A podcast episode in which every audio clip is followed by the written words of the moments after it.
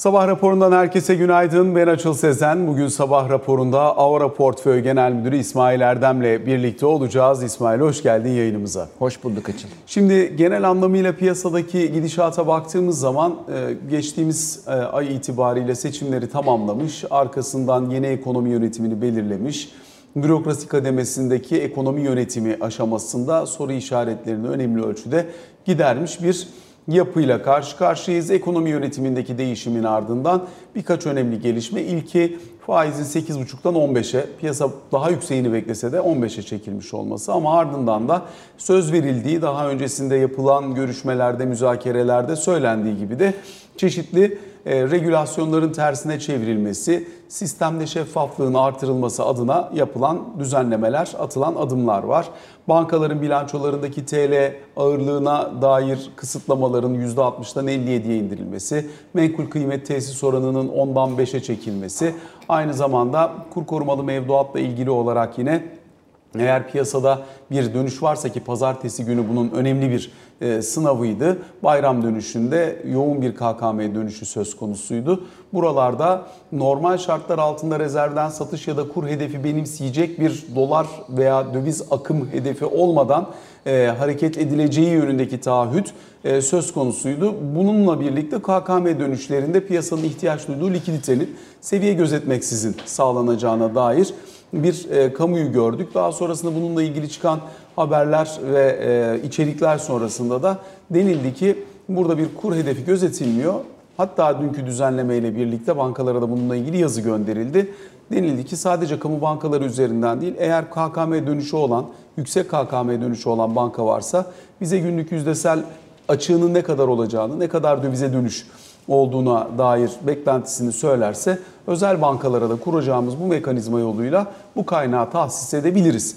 Bu e, rezervden bir satış anlamına gelmiyor. Şu an zaten ihracatçılardan kaynaklanan bir geliri var. Yani bir döviz girdisi var Merkez Bankası'nda. Dolayısıyla bu kaynağın belirli bir kısmının KKM dönüşlerinde alokasyonu kur hedefleyen, daha önceki seçim öncesindeki dönemdeki gibi seviye hedefleyen, kur hedefleyen, akım kısıtlayan bir yapıdan ziyade likiditeyi sağlayabilecek bir döviz politikası, paranın fiyatının doğru yerlerde nispeten belirlenmesine dönük de şahin mesajlar. Elde şu anda bunlar var. Aradan geçen bu zamanı bu şekilde özetleyip sana sordum. Nedir bundan sonrasına ilişkin beklentin ne kadar tatminsin? Yani ne kadar tatmin olduğun tarafından başlayalım istersen. Ee, tabii şimdi bundan 8-9 ay sonra bir yerel seçimler olacak. Önümüzdeki senenin ilk e, aylarında. Bunu göz önüne aldığımızda ekonomi politikası böyle topyekün bir e, restorasyon, topyekün bir sıkı para politikası, enflasyonu hızlı aşağı çekelim e, bir şeklinde bir paket e, olmadı. E, bu biraz piyasalarda belki e, kısmen hayal kırıklığı yaratmış olabilir ama fiyat aksiyonlarına baktığımızda aslında fena da değil. İşte ise fiyatları yukarı gidiyor. CDS'ler nispeten aşağı geldi. E, kur yukarı gitti fakat kurun yukarı gitmesi zaten e, kaçınılmaz ve beklenen bir hareketti. Dolayısıyla orada çok da şaşırmamak lazım diye düşünüyorum. Genel itibariyle ben gidişatı temkinli, olumlu buluyorum diyebilirim. Yani gerçekçi olmak lazım. Şimdi e, 8-9 ay sonra seçime girecek olan bir iktidarın böyle e, ekonomiyi resesyona sokacak kadar sıkı bir para politikası, e, çok sıkı bir bütçe e, politikası ve bundan önceki son bir buçuk yıldan beri yapmakta olduklarını birdenbire tamamen geri çevirip bambaşka bir politikaya girmesi ekonomik açıdan çok beklenemezdi. Bu açıdan biraz beklentilerin altında kaldığı doğru ama reel politikle birlikte değerlendirdiğimizde bence istikamet iyi. Yani en azından gittiğimiz istikamet yavaş da olsa normalleşme, ortodoks politikalar, bankaların üstündeki e, verimliliği ciddi düşüren regülasyon setinin yavaş yavaş ortadan kalkması ve politika faizinin en azından artma yoluna girmiş olması bunlar bence olumlu gelişmeler. 20 Temmuz tarihinde bir sonraki para politikası kurulu toplantısı. Dolayısıyla buraya ilişkin beklentini de sormak isterim. Çünkü e, etki analizi yaparak ilerliyoruz diyor e, Merkez Bankası. Bu önemli bir detay. Yani hem mikro ihtiyati önlemlerin geri alınması ve bunların yaratacağı etkilerin doğru şekilde analiz edilmesi, hem parasal maliyetin yükselişi, kaynak maliyetinin artışı ve bunun doğru şekilde etki analizinin yapılması. Yani ilk hamle en büyük hamleydi diye mi bakarsın? Dolayısıyla bundan sonra daha küçük artırımlar mı beklersin? Yoksa gerektiği yerde gerektiği kadar dediği için metinde ve aynı zamanda özetlerde dolayısıyla gerekirse daha yüksek bir artırımda gelebilir diyen tarafta mısın? Yani benim şu andaki beklentim herhalde böyle yüzde 2-3 puan falan civarında, 3-4 puan civarında bir artış olabilir gibi. Yani 15'ten 17, 18, 19 gibi bir yere çıkabilir gibi Daha ama küçük adım bekliyorsun. Evet. Ama e, açıkçası bu analizi dayandırabileceğimiz elimizde çok az bir veri seti var. Hatta yok. Çünkü yeni bir merkez bankası var, yönetim var. Ne şekilde karar vereceğini, hangi parametrelere öncelik vereceğini kestirmekte zorlanıyoruz. Ama şunu görüyoruz. Şimdi bir kere merkez bankaları enflasyon hedefine göre para politikasını belirler. Ana prensip olarak. Bir sürü başka, şey, başka şeye bakıyorlar tabii de. E son bir buçuk ayda da kur 20'den 26'ya çıktı. Yani %25-30'a yakın bir TL'de değer kaybı oldu. Bunun da enflasyona geçişkenliği belli bir ciddi bir oran. Zaten birçok e, dövize bağlı mal ve hizmetli fiyat artışları görmeye başladık. Merkez Bankası politika faizini belirlerken beklenen enflasyonu dikkate alacağına göre e, bu gördüğümüz kura bağlı, sadece kura bağlı geçişkenlikten kaynaklanan fiyat artışları da beklenen enflasyonu yukarı çekecektir. Bu doğrultuda ben Merkez Bankası'nın en azından faiz arttırma döngüsüne devam edeceğini düşünüyorum. Ama %2 mi arttırır, 3 mü arttırır, 5 mi arttırır onu kestirmek çok güç. Şimdi elbette bu noktadan sonraki e, önemli konulardan bir tanesi faizin nerede belirleneceği. İkincisi ise faiz politika faizi nerede olursa olsun şu anda kredi piyasasında ciddi bir işlevsizlik var. Dolayısıyla faiz sınırlaması devam ediyor. Bankaların net faiz marjı açısından şu anda kredi vermekte iştahlı olmadıkları aşikar. E, bundan sonraki süreç açısından bakıldığında bunun etkilerini biraz tartışmak gerekir. Hem bir tüketim bacağı üzerinden çünkü PPK tutanaklarına baktığımızda kredi genişlemesinde yoğun bir atıf olduğunu görüyoruz ve bunun belli ölçüde dizginlenmesi gerektiğini düşünüldüğünü de anlıyoruz. İşin bir tüketim bacağı üzerinden, iki özellikle tasarruf bacağı üzerinden de önemli burası. Çünkü kredi yaratamayan banka mevduat da yaratamamış oluyor. Dolayısıyla mevduatı yaratamadığında diğer bankaların mevduatına ister istemez e, bir miktar daha göz dikiliyor. Bu bir mevduat faizi yarışı başlatıyor ve mevduat faizleri 45'lerin üzerine doğru gitmişti. Şimdi 1-2 puan geri geldiğini anlıyoruz ama genel anlamıyla bu mevduat kredi döngüsü içerisinde bundan sonrasına dönük beklentin nedir? Orada da kademeli ve yavaş yavaş bir iyileşme olacak diye düşünüyorum. Zaten bu e, bankaları bir bakıma sıkıştırıcı tedbirlerin ufak ufak yavaş küçük adımlarla kaldırılıyor olması da o doğrultuda bir hareket. Sonuçta bankaların bilançolarının rahatlaması lazım ki kredi verebilsinler. Yoksa banka niye kredi vermek istemesin? İşi o, oradan para kazanıyor aslında. Yani normalde bir bankanın yapmak isteyeceği şey işte mevduatı toplamak, üstüne biraz bir e, fark koyarak kredi vermek, aradaki farktan da para kazanmak. Bunu yapamamasının sebeplerinden biri birçok sebebi var aslında. Bir bu TL'de kalma sıkıntısından dolayı bilançosunun bir kısmı kilitlenmiş oluyor. Bu KKM ile ilgili ne yapacağını bilemiyor. Faiz oranlarındaki tavan uygulamaları e, karlılığını karsız şekilde kredi vermeye zorladığı için vermekten imtina ediyor bankalar. Ama yavaş yavaş e, ileriye olumlu adımlarla geçecekler diye düşünüyorum. Bundan önceki haftaydı sanırım. E, yeni Merkez Bankası Başkanımız, Başkanımızın bankalarla yaptığı görüşmede de bu tarz şeylerin konuşulduğu ve kademeli olarak bir e, çözüm e, setinin ortaya konacağını ben kuvvetle tahmin ediyorum. Bankaların karlılıklarından bahsettiğin için bir miktar o tarafı da sorgulamak isterim. Dün itibariyle BDDK rakamları geldi. Aylık bazda 45 milyar lira civarında 45.6 milyar liralık bir kar rakamı gördük biz bankalardan. Dolayısıyla hani e, böyle bakıldığında nominal karlılığını korumaya devam eden ki ikinci çeyrek bilançoları da gelmeye başlıyor artık. E, dolayısıyla nominal karlılığını korumaya devam eden öz kaynak karlılığı üzerinde ise bakıp görmeyi e, beklediğimiz bir tabloyla karşı karşıyayız. Bu cephe için ne söylersin? Hani karlar bu nominal yüksek karlar bu şekliyle devam edebilir mi? E, ama daha önemlisi tabii ki öz sermaye karlılıklarını ne bekliyorsun bankalar için? E, tabii bankaların rakamları, mali tabloları, karlılıkları enflasyondan çok etkileniyor. Ve oradaki reel karlılığı yani enflasyondan arındırıldıktan sonra kalan karlılığı kestirmek çok kolay değil. Bizim gibi sadece dışarıdan bakan e, analistler için. Orada bankanın içinde olup böyle kalem kalem incelemek lazım o mali tabloları işte enflasyon düzeltmesini yapmak lazım ki o bile çok e, çok aslında güvenilir sonuçlar vermiyor. Ama şunu söyleyebiliriz. Nominal karlılıklar enflasyon olduğu sürece yüksek kalmaya devam edecektir. Bu bir bakıma şunun gibi bir şey. Bankada diyelim ki 100 bin lira paranız var. Enflasyon %40. E, 40 bin lira para kazanıyorsunuz. Bu sizin 40 bin lira kar ettiğiniz anlamına gelmiyor. Oradan enflasyon düşmeniz lazım. Reel ne kazanıyorsunuz? Öz varlık karlılıkları da şimdi bazı bankalar enflasyona göre düzeltilmiş mali tablolarını da açıklıyorlar. Açıkladılar geçtiğimiz dönemlerde veya yabancı iştirakleri açıkladı falan. Öz varlık karlılığı reel olarak %5-6-7 mertebesindeydi geçen sene gibi gözüküyor. İşte daha düşük olanlar vardı. E, bu senenin ilk çeyreğe benim gördüğüm kadarıyla biraz şey geçmişti. E, kar marjlarının özellikle faiz marjlarının daraldığı bir dönemdi. İkinci çeyrekte bir nebze daha belki toparlanma olabilir gibi görüyorum. Birazcık kredi faizlerinin yükselmesiyle, birazcık daha normalleşmeyle. Ama senenin ikinci yarısında e, bakalım ne şekilde gelişecek. Eğer bu bankaların üstündeki regülasyon azalırsa banka karlılıklarını ciddi olumlu etkileyebilir. Yani daha önemlisi sanki bankaların vereceği guidance olacak. Yani rehberlik e, olacak gibi görünüyor. Yani bilançoda ne açıkladığı elbette çok önemli ama bundan sonrasına ilişkin beklentilerini gördüğümüz yatırımcı sunumları bu bilanço döneminde sanki geçmişe göre daha önemli olacak. Bankalar ne aldı, ne projekte etti kısmı çok önemli olacak. Burada benim merak ettiğim şeylerden bir tanesi şu enflasyon tabii 85'lerden 40'ların altına doğru bir gerileme yaptı.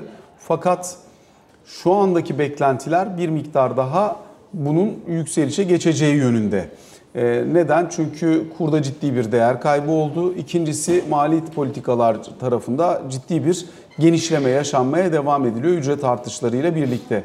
Dolayısıyla bugün gelecek olan enflasyon rakamlarında bizim araştırmanın yapmış olduğu ankete bakılacak olursa %4'ün üzerinde bir enflasyon beklentisi var. %4.3 civarında bir enflasyon beklentisi var. Yıl sonu 45'ler bekleniyordu ama 50'ye biraz daha yakınsayabileceği yönünde de e, beklentinin biz piyasada biraz daha kuvvetlenmeye başladığını anlıyoruz.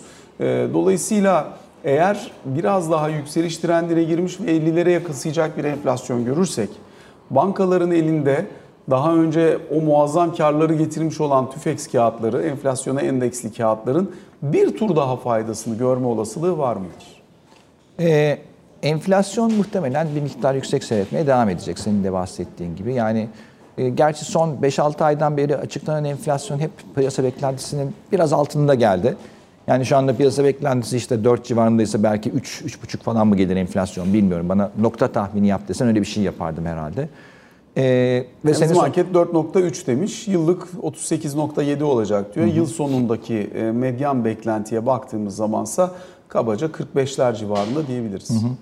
Yani tabii burada artık bu senenin de sonuna geliyoruz. Yani sonuna gelmiyoruz da şu noktadan sonra uygulanacak olan politikaların sene sonu enflasyonuna çok büyük bir etkisi pek kolay kolay olmaz. Sonuçta para politikasının da 3-5 ay e, en az gecikmeyle etki yaptığını düşünürsek. Ama bir dahaki seneki enflasyon benim tahminim yani şu anda Merkez Bankası e, önümüzdeki sene enflasyonunu böyle %20'nin altında onlu rakamlara indirmeyi hedefliyordur ve e, politika setini o doğrultuda dizayn etmeye çalışıyordur diye düşünüyorum. Seçimden sonra da biz burada daha da e, kontrole alıp daha sıkı bir politika uygulayabiliriz diye tahmin ediyorum ki kendi iş toplantılarında görüşüyorlardır. E, bu ortamda tabii enflasyonun birçok etkisi oluyor fakat en büyük etkisi de malum dar gelirli oluyor. Demin e, işte emekli maaşlarıdır, ondan sonra asgari ücret artışıdır. Bunlar kısa bir bahar yaratıyor e, çalışanlara ama aslında çok hızlı bir şekilde de ellerindeki kazanç en hızlı eriyen kesim yine o kesim oluyor. Bence e, bunun da farkında e, ekonomi yönetimi. Yine e, buradan geçeyim bir başka önemli konuya döviz kuru ve KKM ilişkisine. Sonuç itibariyle kur korumalı mevduatla ilgili rakamlar da geldi. 2.7 trilyon liranın üzerine gelmiş durumda şu anda KKM toplam KKM tutarı. E, kur 26 liraya geldi. Sonuç itibariyle normal şartlar altında biz döviz tevdiat hesaplarıyla döviz akımını izlediğimiz dönemde şunu hep bilirdik. Yerli yatırımcı için e, sistemde tuttuğu para bizim sistemimizin hava yastığıydı. Yani kur yükseldiğinde bu bozulur. Doğal döviz arz talebi dengelenmesiyle biz kurda bir normalleşme görebilirdik. Şimdi tabii kur korumalı mevduat buradaki yapıyı değiştirmiş oldu. Doğrudan döviz tevdiat hesaplarına herhangi bir faiz ödemesi yapılmadığı ve dahi bankalar bunu istemedikleri için kendi bilançolarında tutmayı TL yükümlülüklerinden dolayı e, bu tarafa kur korumalı mevduata ciddi bir yönelim oldu.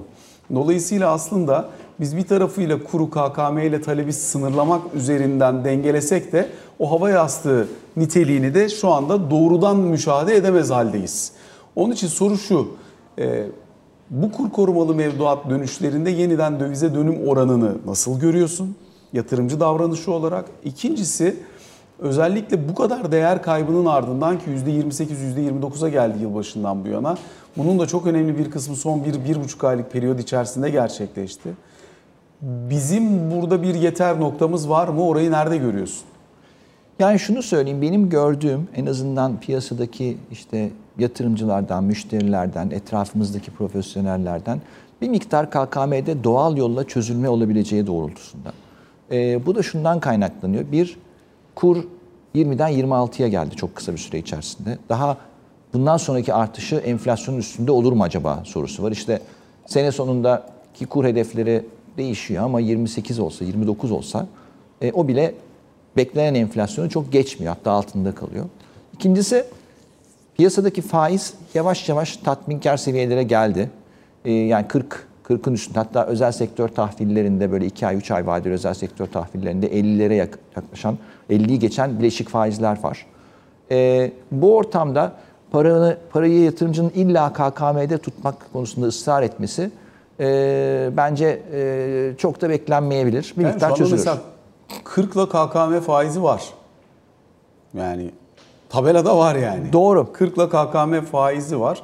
50 ile bir özel sektör şirketini mi yoksa 40 ile KKM'yi ve döviz yukarı giderse bundan sağlayabileceğin potansiyel faydayı veren opsiyonu mu tercih edersin? Ya orada bir de şu konu var. KKM 3 ay ve üstü. Normal mevduat malum Türkiye'de klasik olarak mevduatın yapısına baktığımızda işte 40 gün falan da hep ortalama vadesi.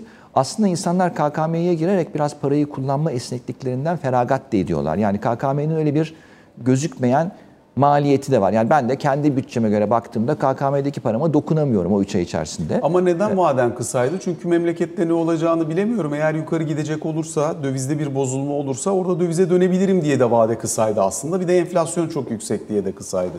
Doğru. Şimdi döviz opsiyonu olduğu için onun uzamasını belki yani o rahatsız etmiyor olabilir insanları ki 2.7 trilyona geldik KKM'de. Doğru, doğru. Ya burada e, bir kere yavaş yavaş KKM'nin yatırımcıya sunduğu avantajın da azaltılacağı uygulama setlerini görmeye başlayacağız diye düşünüyorum. Fakat bunun yapılması için muhtemelen önce kurun belli bir seviyeye çıkması beklendi diye düşünüyorum. İlk, ilk başta bahsettiğimiz bu politika setinin kademe kademe devreye sokulmasına devrine giriyoruz. Çünkü burada şu da var.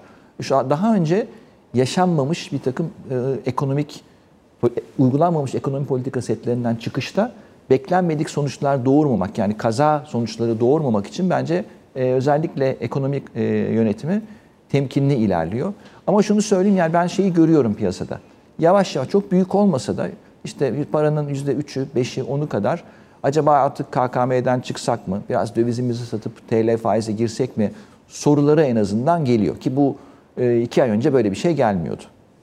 Peki e, bu KKM ve düz döviz, düz TL mevduat arasındaki makasın açılmasını bekler misin bir noktadan sonra? E, özellikle kur korumalı mevduatta faizin biraz daha aşağı kayma potansiyelini de dikkate alacak olursak. Yani dönüşüm yükümlülükleri düştükçe bankaların buraya o iştahları da nispi olarak düşebilir. Ama TL mevduat tarafında da yüksek bir faiz kalmaya devam edecek. Çünkü dediğimiz gibi kredi yaratamıyorlar. Evet. Dolayısıyla bu arada bir makas açılmasını bekler misin bir yerde? Yani olabilir. Olabilir. Tabii şöyle bir durumda kaldık şu anda. Bankalar normal döviz mevduatı yapmak istemiyor. Böyle bir enteresan bir durum var. Yani e, aslında KKM'den dönüşün olabilmesi için dolarda kalmak isteyen müşterinin de dolarda kalabilmesi lazım. Yani bankanın rahat bir şekilde o ya şu anda işte Fed Amerikan hazine bonosu faizleri %5-6 civarında neyse. En azından dolar mevduata %4, 4,5, 5 o civarda bir faizin bankaların verebiliyor olması lazım ki e, KKM'den dövize dönmek isteyene de tamam gel kardeşim senin paranı dövizde mevduat yapalım diyebilsin. Şu anda onu da tam diyemediği için e, bu sistemdeki e, tıkanıklık kısmen devam ediyor. E, dediğim gibi bu zaman içinde e, hallolacak bir konu. Geçiyorum hisse senedi bacağına. Özellikle tabii endeksin dün 6000 puanın üzerinde bir önceki gün yapmış olduğu kapanışın ardından kuvvetli bir hareketi daha oldu gün içerisinde. Ancak sonrasında seans içerisinde bunun e, kayba doğru döndüğünü, realizasyona en azından döndüğünü gözlemledik. Sonuçta gene 6000 puan üzerine kapanış oldu ama endeksin genel gidişatını, genel yapısını nasıl görürsün? Bu birinci soru. Alternatif maliyet yükseldi. Mevduat faizinden bahsediyoruz. Ayda kabaca 4 puan civarında bir 3,5-4 puan arasında bir mevduat faizi var yatırımcının elde edebileceği. Bu alternatif maliyet özellikle hisse senedine bakışı nasıl etkiliyor bu ikinci soru. Bir de e, özellikle tabii Borsa İstanbul temelinde yabancının da olmadığını dikkate alacak olursak yerli yatırımcıların olduğu ortamda enflasyon etkisine daha fazla maruz kalan da bir yapısı var endeksin. Eğer 45-50 arasında bir enflasyon varsa normalde TL bazındaki hisse fiyatlarının da kendini buna göre uyarlamasını ve oralara doğru gitmesini beklemek gerekir mi gerekmez mi? Bence gerekir. Açıkçası daha önceki sohbetlerimizde de hep dile getirmiştim. Bence bu senenin ikinci yarısında borsa yukarı gitmeye devam edecek. Birkaç sebepten dolayı. Bir, artık seçimler ve ekonomi politikasındaki belirsizlik ortadan kalktı. Ee, bir yeni bir ekip var ve e, bir takım politikaları uyguluyorlar. Bu borsa için artı. İkincisi enflasyon işte yüzde sene şu andan sene sonuna kadar yüzde 15-20 olsa borsa en az bu kadar daha bence yukarı gider. Reel bazda değerini kurur. Çok pahalı değil bizim borsamız şu anda. Hatta hiç pahalı değil birçok. Hisselere göre değişiyor tabii ama.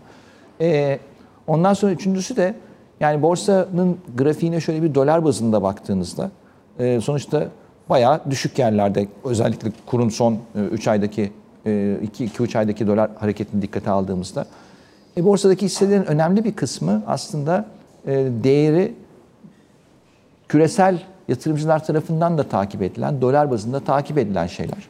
Ve geçmişte hep şunu görmüşüzdür. Böyle kurdaki sırt, sert devalüasyonlardan sonra borsa belli bir vade içerisinde dolar bazında kendisini toparlar ki bu normalde zaten. Yani ortada büyük bir fabrika, bir tesis varsa bunun değeri bundan 6 ay önce 100 dolarsa e bunun değeri 3-5 ay sonra yine 100 dolara çıkar. E, bu üçünü alt alta koyduğumuzda ben borsanın iyi olmaya devam edeceğini düşünüyorum. Ama tabii böyle dolar bazında çok müthiş patlayıp çok yüksek getiriler sağlar mı sağlamaz mı pek zannetmiyorum ama e, kazandıran bir yatırım aracı olacağını düşünüyorum senenin ikinci yarısında.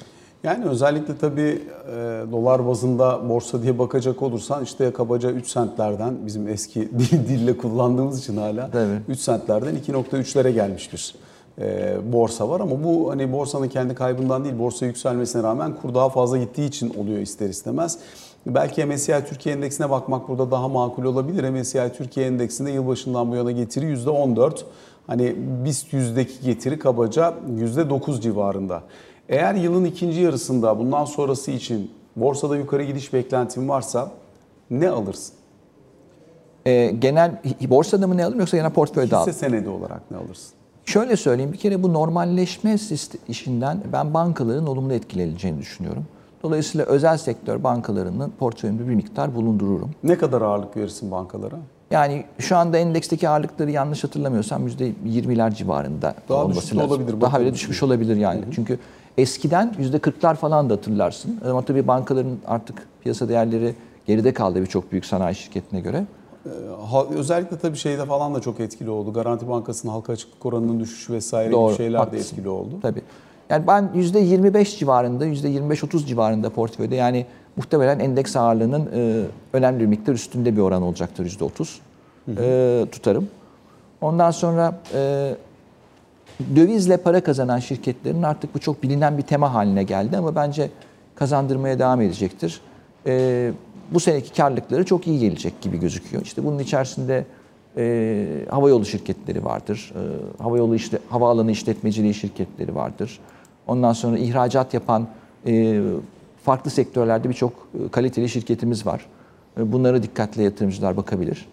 E, bunları bulundurmak lazım portföyde diye düşünüyorum. Ve bir de e, enflasyondan nispeten e, fena etkilenmeyen perakende sektörü hem gıda hem e, giyecek, tekstil perakendecilik sektöründe e, iyi şirketler var diye düşünüyorum. Belki bir iki tane e, net aktif değerine çok iskontolu işlem gören, ciddi iskontolu yani %50'ye yakın iskontolu işlem gören e, holding ve e, gayrimenkul yatırım ortaklıklarından portföye konabilir. Bence bu tarz bir portföy e, sene sonuna kadar önümüzdeki bir yıl içerisinde enflasyonun üzerinde bir performans çok büyük ihtimalle sağlar. Peki e, yine belki işin en önemli boyutlarından bir tanesi bu. Aracı kurumlar daha önceki dönemde e, özellikle tabii daha ucuza kaynak bulabildikleri için e, burada ciddi bir kredilendirme gerçekleştirebiliyorlardı yatırımcılara. Şimdi hem mevduat faizlerinin artışı hem genel faiz hadlerinin yukarı gidişiyle birlikte kredili işlemleri e, sağlamanın maliyeti aracı kurumlar için arttı. Dolayısıyla krediyi kullanıp bununla iş yapan bireysel yatırımcı açısından da e, buralardaki maliyet yükselmiş oldu. Alternatif maliyetin yüksek. Kaynağı kullanım maliyetin yükseldi. O zaman hissede daha da yüksek bir potansiyel görmelisin ki buradaki yatırımcı davranışın rasyonel halde kalabilsin. E, bu etkiliyor mu piyasayı ya da bir noktadan sonra etkilemesini bekliyor musun? Yani şunu söyleyebilirim. Kredi kullanımı son bir buçuk iki yıldan beri bayağı arttı. Özellikle geçen sene faizlerin çok düşük sürdüğü dönemde e, kredili pozisyon taşımak bayağı e, yoğun kullanılan bir strateji haline gelmişti yerli yatırımcılar tarafından. Fakat tabii bu sene biraz daha onun dizginlendiğini gözlemliyoruz ve bu önemli bir faktör. Senin de dediğin gibi sonuçta e, yani yüzde 15 faizle hisse senedi kredisi kullanmak başka, yüzde 50 faizle 60 faizle onu kullanmak çok daha farklı bir şey. E, burada şunu söyleyebilirim en azından bireysel yatırımcıya yani kredili uzun pozisyon çok fazla taşımayın. Sonuçta kredi e, iki taraflı işleyen bir şey. Piyasa yükselirken çok iyi para kazandırabilir belki size ama piyasa düşerken de e, öz sermayenizin çok önemli bir kısmını kaybetme riskiyle karşı karşıya kalırsınız. E, burada bu bir faktör fakat bu bence büyük ölçüde yansıdı. Yani zaten kredi maliyetleri yavaş yavaş yükselmekteydi. Şeyden önce de yükselmekteydi. Merkez Bankası faizleri arttırmadan önce de yükselmekteydi. Dolayısıyla bir faktör katılıyorum ama böyle çok aniden piyasayı etki edecek bir şey değil. İsmail Erdem çok teşekkür ediyoruz sana e, yayınımıza katıldığınız ve sorularımızı yanıtladığın için. E, kısa bir aramız var sonrasında Ali Can Türkoğlu ile ikinci bölümde karşınızdayız.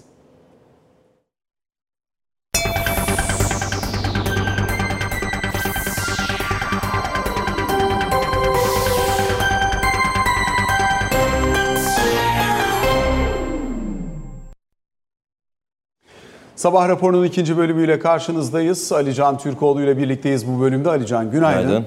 Şimdi önemli gelişmeler var. Bunlardan bir tanesi bugün itibariyle enflasyon rakamları gelecek. Enflasyon rakamları gelince memur maaşları, emekli maaş zamları bunlara ilişkin e, artık yılın ilk yarısında ne olduğunu anlamış olacağız. Ama bununla birlikte yapılan düzenlemeler de var. Onlar da hani nihayetlenmek için bugünkü enflasyon rakamını bekliyor. Evet ve e, onda açıklanacak enflasyon muhtemelen açıklandıktan hemen sonra da o haftalardır konuştuğumuz torba yasanın meclise sevki de gerçekleştirilecek. Muhtemelen AK Parti Grup Başkanı'nın da e, meclise sevk edilen yasayla ilgili e, açıklamaları olacak. Burada en düşük memur maaşının da işçi maaşları e, düzeltilmişti hatırlanacağı gibi. E, işte 22 bin lira seviyesine çıkarılması yani işte 15 bin lira seviyesine çıkarılıp üzerine enflasyon farkı ve zammın verilmesiyle 22 bin seviyesine çıkıyor yanlış e, bilmiyorsam ben son düzenlemi ama net olarak muhtemelen öğlene doğru zaten göreceğiz o torba yasanın içinde ne oldu. Yani memur zamları, en düşük memur maaşının artırılması ve diğerlerine kademeli zam e, yapılması, emekli maaşlarıyla ilgili düzenleme bunların içinde olması bekleniyor bu. e, Yani emekli maaşları ile ilgili düzenlemede de belirli bir seviyeye getirilip üstüne enflasyon yansıtılması suretiyle yer Doğru. alacak. Bir de son en kademeli geçiş evet, olacak bir de en düşük mi? emekli maaşı 7500 liraya çıkarıldıktan sonra 7500 liranın üzerinde alanlarla ilgili kademeli bir artış yapılacağı ifade ediliyordu. Muhtemelen bunların e, olmasını bekliyoruz. E, bunun içerisinde Çalışma Bakanı'nın zam çalışmaları sürüyor diye dün bir açıklaması vardı. Daha doğrusu kabine sonrası yapmış olduğu bir açıklama vardı. Ancak bugün işte o torba yasa meclise sevk ediliyor. Şimdi 15 Temmuz'a kadar yani meclis tatile girene kadar da yasalaşması hedefleniyor. Dolayısıyla önümüzdeki 10 gün içerisinde hızlı bir şekilde e, sevk edilen yasanın e, yasalaşması yönünde de bir hedef var ama detayları gördükten sonra konuşmak daha doğru olacak. Sadece emin olduğumuz şey en düşük memur maaşının e, artırılacağı maddenin bu e, yasa teklifi içerisinde yer alacağı. Dolayısıyla aslında bir sonraki maaşlar zamlı gelecek. E, Temmuz maaşlarında zaten ilk 6 aylık enflasyon farkı eklenecekti. Bir de toplu sözleşmeden zam, toplu sözleşme zammı çerçevesinde bir hesaplama yapılacaktı. Dolayısıyla dediğin doğru bir sonraki maaşlar zamlı olarak yansıtılacak. Peki buradan devam edelim diğer önemli konulara. Bunlardan bir tanesi uluslararası ilişkiler. Türkiye'nin e, bölgede son e, 5-6 yıl içerisinde çok çalkantılı ilişkiye sahip olduğu bölge ülkeleriyle yeniden ilgi ve iletişimini artırdığını gözlemliyoruz. Önce Suudi Arabistan'la başladı. Daha sonrasında Birleşik Arap Emirlikleri ile oldukça yakınlaşan ilişkiler var ki kaynak temini açısından da çok önemli olduğunu anlıyoruz buradaki temasların, ilişkilerin. Dün Türkiye Müteahhitler Birliği Başkanı Erdal Eren'le bir söyleşi gerçekleştirdik. E, Finans Merkezi programının içerisinde.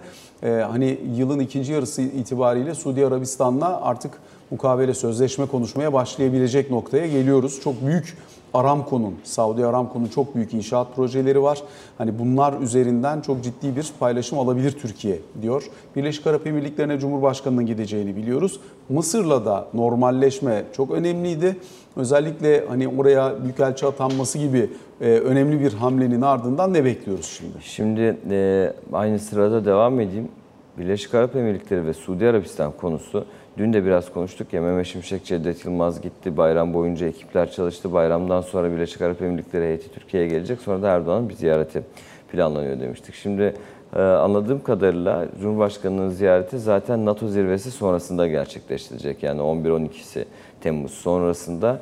Ancak e, yine öğrendiğim kadarıyla 17'si veya 18'i gibi olacağı ifade ediliyor bu gezinin ve sadece Birleşik Arap Emirlikleri de değil. Ee, Suudi Arabistan'a da Birleşik Arap Emirlikleri'nden sonra gezinin devam edebileceği ve Katar'la da tamamlanabileceği söyleniyor. Dolayısıyla bu işte 2-3 gün, 3-4 gün sürecek e, bu körfez gezisi sonrasında e, şu anda rakamları bilmiyoruz, alanları bilmiyoruz ama konuşulan birçok sektör var. E, işbirliği yapılabil, yapılacağı ifade edilen sektörler. İşte Ticaret Bakanı'nın açıklamaları olmuştu mesela Birleşik Arap Emirlikleri ile ilgili olarak işte enerji, gıda, tarım, tarım, e, sağlık, ilaç, lojistik ve ulaştırma sektörlerinde işbirliği yapılmasıyla ilgili olarak bir fikir birliğimiz var diye. Ama Birleşik Arap Emirlikleri, Suudi Arabistan ve Katar turundan sonra muhtemelen işte 17-18'i gibi gerçekleştirilmesi planlanıyor. Ee, bu turdan sonra e, o konuştuğumuz alanlar ve rakamların somutlaşacağı imzaların atılması hedefleniyor Ankara tarafında. Dolayısıyla bu kapsamda e, bir yandan perde arkasında yani şu anda ön planda olan görüşmeler belki işte Sayın Şimşek'in, Sayın Yılmaz'ın ziyaretleri ve heyetler arasındaki toplantılar oldu ama bir yandan da zaten bu e, toplantılar teknik ekipler arasında da devam ettiriliyormuş. Hem Suudi Arabistan tarafıyla e, hem Birleşik Arap Emirlikleri tarafıyla. Katar'la zaten devam eden bir süreç var bilindiği gibi iyi ilişkiler anlamında söylüyorum. Dolayısıyla muhtemelen biz e, Temmuz ayının ikinci yarısında e, Körfez'den Türkiye'ye gelecek yatırımlarla ilgili olarak somut konuları konuşmaya başlayacağız ve e, büyük rakamlar olduğu ifade ediliyor. Rakam zikredilmemekle beraber. Mısır konusu da ayrı bir mevzu. 2013'ten beri çok sıkıntılı olarak devam eden bir süreçten bahsediyoruz burada. Yani işte Temmuz 2013 darbe, Kasım 2013 Türkiye'nin Mısır Büyükelçisi'nin istenmeyen adam ilan edilmesi ve sonra ilişkilerin kopması ve sonrasında Katar'daki Dünya Kupası'ndan itibaren de yürüyen bir süreç var aslında. Burada e, seçim sonrası, Türkiye'deki seçimler sonrası Sisi'nin Erdoğan araması, tebrik etmesi sırasında artık büyükelçilerin atamasını duyuralım, açıklayalım yönünde bir konuşma olmuş. Ve dün ortak bir açıklamayla da iki ülkenin e, artık ilişkileri büyükelçi seviyesine çıkardığı da resmen açıklanmış durumda. Şimdi bunun devamında özellikle enerji başlığı altında Mısır'la Türkiye arasında işbirliklerinin olabileceği ifade ediliyor. Bu da sadece enerji alanı dediğinde sadece tek başına bir alanı da aslında e, kapsamıyor bu. Çok yoğun bir şekilde Türkiye'nin dış politikasına özellikle kriz anlamında son dönemde damga vuran Doğu Akdeniz politikası başta olmak üzere Türkiye ile Mısır'ın e, ortak politikalarda birleşmesinin e, dış politika anlamında o kritik maddelere katkı sağlayabileceği, Türkiye tezleri anlamında katkı sağlayabileceği yönünde bir beklenti var Dışişleri Bakanlığı içerisinde. Dolayısıyla Mısır'la başlayan bu süreç, Büyükelçi ataması süreci yeni işbirliği alanları üretilerek veya zaten konuşulmuş olup bu yeni işbirliği alanlarının ortaya çıkarılarak ilerlemesi yönünde devam ettirmesi Süre planlanıyor. bitti ama 30 saniye. Bir noktadan sonra bir deniz yetki anlaşmasının Mısır'la imzalanması da söz konusu olabilir mi? O çünkü Türk- her şeyi değiştiriyor Akdeniz'de. Türkiye'nin ana hedefi o. Ee, Deniz Yetki Anlaşması'nın Mısır'la imzalanması Türkiye'den çok Mısır'a çok büyük bir katkı sağlıyor aslında alan olarak bakıldığında. Ama fikren bakıldığında Türkiye'nin e, bu işte mavi vatan düşüncesi çerçevesindeki en büyük adımının Türkiye ile Mısır arasında imzalanacak bir deniz yetki anlaşması olacağı zaten Libya'dan sonra düşünülüyordu Dışişleri Bakanlığı içerisinde. Bunun sağlanmasının da bu fikre en büyük destek verecek adım olduğu ifade ediliyor. Dolayısıyla evet amaç ve hedef o ama çok kısa bir süre içerisinde olur mu orası belli değil. Teşekkür ediyoruz Ali. Sabah raporunu böylelikle noktalıyoruz. Hoşçakalın.